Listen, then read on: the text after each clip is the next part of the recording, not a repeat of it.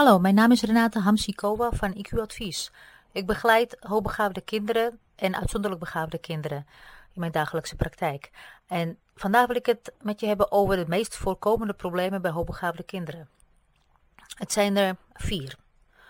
Verlies van motivatie om te leren. Het kind spant zich niet langer in bij het uitvoeren van taken, met als gevolg onderpresteren. 2. Doordat het kind te weinig te doen heeft en zich onvoldoende hoeft in te spannen, kan verveling optreden. Deze verveling kan vervolgens weer leiden tot vormen van probleemgedrag, bijvoorbeeld andere kinderen afleiden, veel aandacht vragen van de leerkracht. 3. Het kind heeft onvoldoende geleerd hoe het is om fouten te maken en het stelt daardoor te hoge eisen aan zichzelf en weigert bepaalde taken te maken omdat hij bang is dat hij het niet goed kan doen. En vier, doordat ze andere verwachtingen hebben ten aanzien van relaties en andere interesses, uh, kan het zijn dat het kind geen aansluiting krijgt bij leeftijdgenoten. En hierdoor kan het kind sociaal geïsoleerd raken. Nou, wat zijn de signalen van onderpresteerders? Onderpresteerders uh, vallen vooral op door hun gedrag en hun werkhouding. Het kunnen kinderen zijn die probleemgedrag vertonen, bijvoorbeeld constant negatief aandacht vragen. Het kunnen ook kinderen zijn die opvallen door het traag werktempo, een slechte werkhouding en een slechte concentratie. Uh, onderpresteerders hebben vaak ook ongewone interesses en geven daarnaast blijk van voorkennis op vele terreinen. Dus uh, het kan je in de klas al opvallen dat ze al heel veel weten over het onderwerp dat nog behandeld moet worden. Ze maken ook veel slordigheidsfouten in werk dat van een eh, te laag uh, denkniveau is. Bij moeilijk werk neemt het aantal fouten af en verbetert de werkhouding. Ze geven vaak een neerwaartse lijn in de prestaties te zien, zeker als je daarbij naar een periode van meer dan één jaar kijkt. En ze hebben thuis vaak een enorme ontdekkings- en uitvindingsdrang. Daarom is het heel belangrijk om met ouders in gesprek te blijven. Nou, er zijn twee uitgangsvormen van onderpresteren te onderkennen. Er zijn kinderen die beneden hun eigen mogelijkheden presteren, maar niet beneden het gemiddelde van de groep. Dat zijn de relatieve onderpresteerders. En die zijn erg moeilijk op te sporen, zoals je je kunt voorstellen. En er zijn kinderen die zowel beneden hun eigen kunnen als beneden het gemiddelde van de groep presteren. De absolute onderpresteerders. En deze kinderen vallen snel op omdat ze beneden het groepsgemiddelde scoren. Je moet overigens uh, goed opletten met uh, deze uh, conclusies af te leiden aan de hand van CITO-scores. Want heel veel begaafde kinderen scoren slecht op CITO's. Niet omdat ze dingen niet kunnen, maar omdat de vraagstelling bij CITO vaak op twee of drie of vier manieren uit te leggen is. En hoogbegaafde kinderen raken daardoor vaak in de war. Nou, bij kinderen die onderpresteren is het vaak moeilijk een, uh, een betrouwbaar beeld te krijgen van hun didactisch niveau. Kenmerken voor deze kinderen is immers dat zij onder hun niveau presteren. En het is dus zeer goed mogelijk dat je tijdens het didactisch onderzoek geen goed beeld van het niveau van een kind kunt krijgen. Het invullen van observaties of observatielijsten kan wel een indicatie geven over het mogelijk onderpresteren van het kind.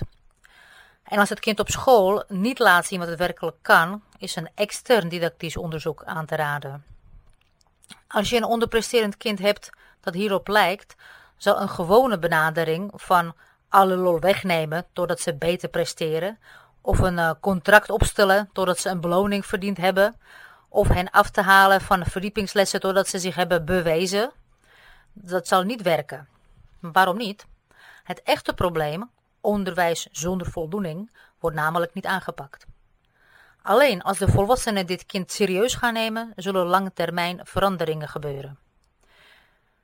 Hier volgt een aantal manieren om uh, zich op de echte zorgen van slimme, niet uitgedaagde kinderen te richten. Wat kun je dan in de klas doen? Schrap of beperk alle werk dat al beheerst wordt. Laat het kind werken aan een onafhankelijk project. Het onderwerp wordt door het kind zelf bepaald.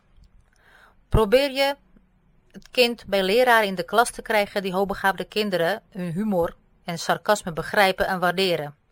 Dit is natuurlijk erg moeilijk, maar ik werk wel in mijn praktijk dat als zo'n kind in de klas komt bij een leraar die hem of haar begrijpt, de scores en prestaties enorm omhoog gaan. En het kind kan ineens binnen één schooljaar twee of drie schooljaren leren.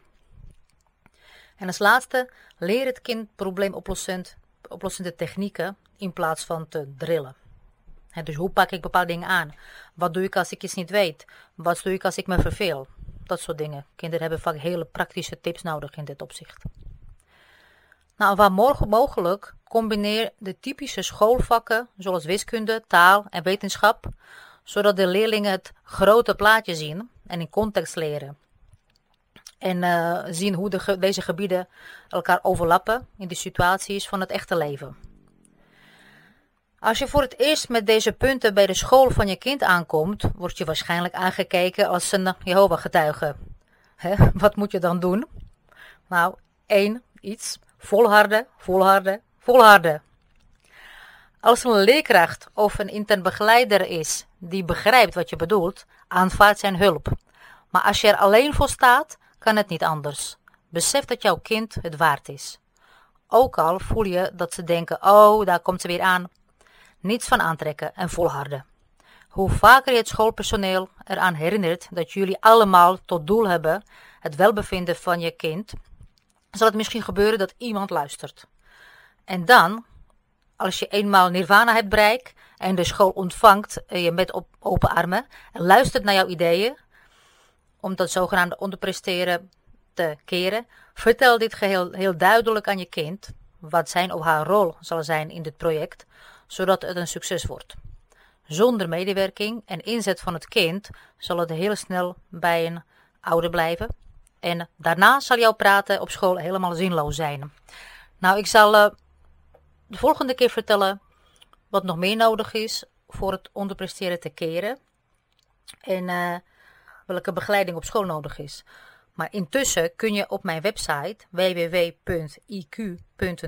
i-e-k-u.nl, een uh, gratis e-book downloaden over het keren van onderpresteren. Oké, dat was het voor vandaag. Bedankt voor het luisteren en tot de volgende keer.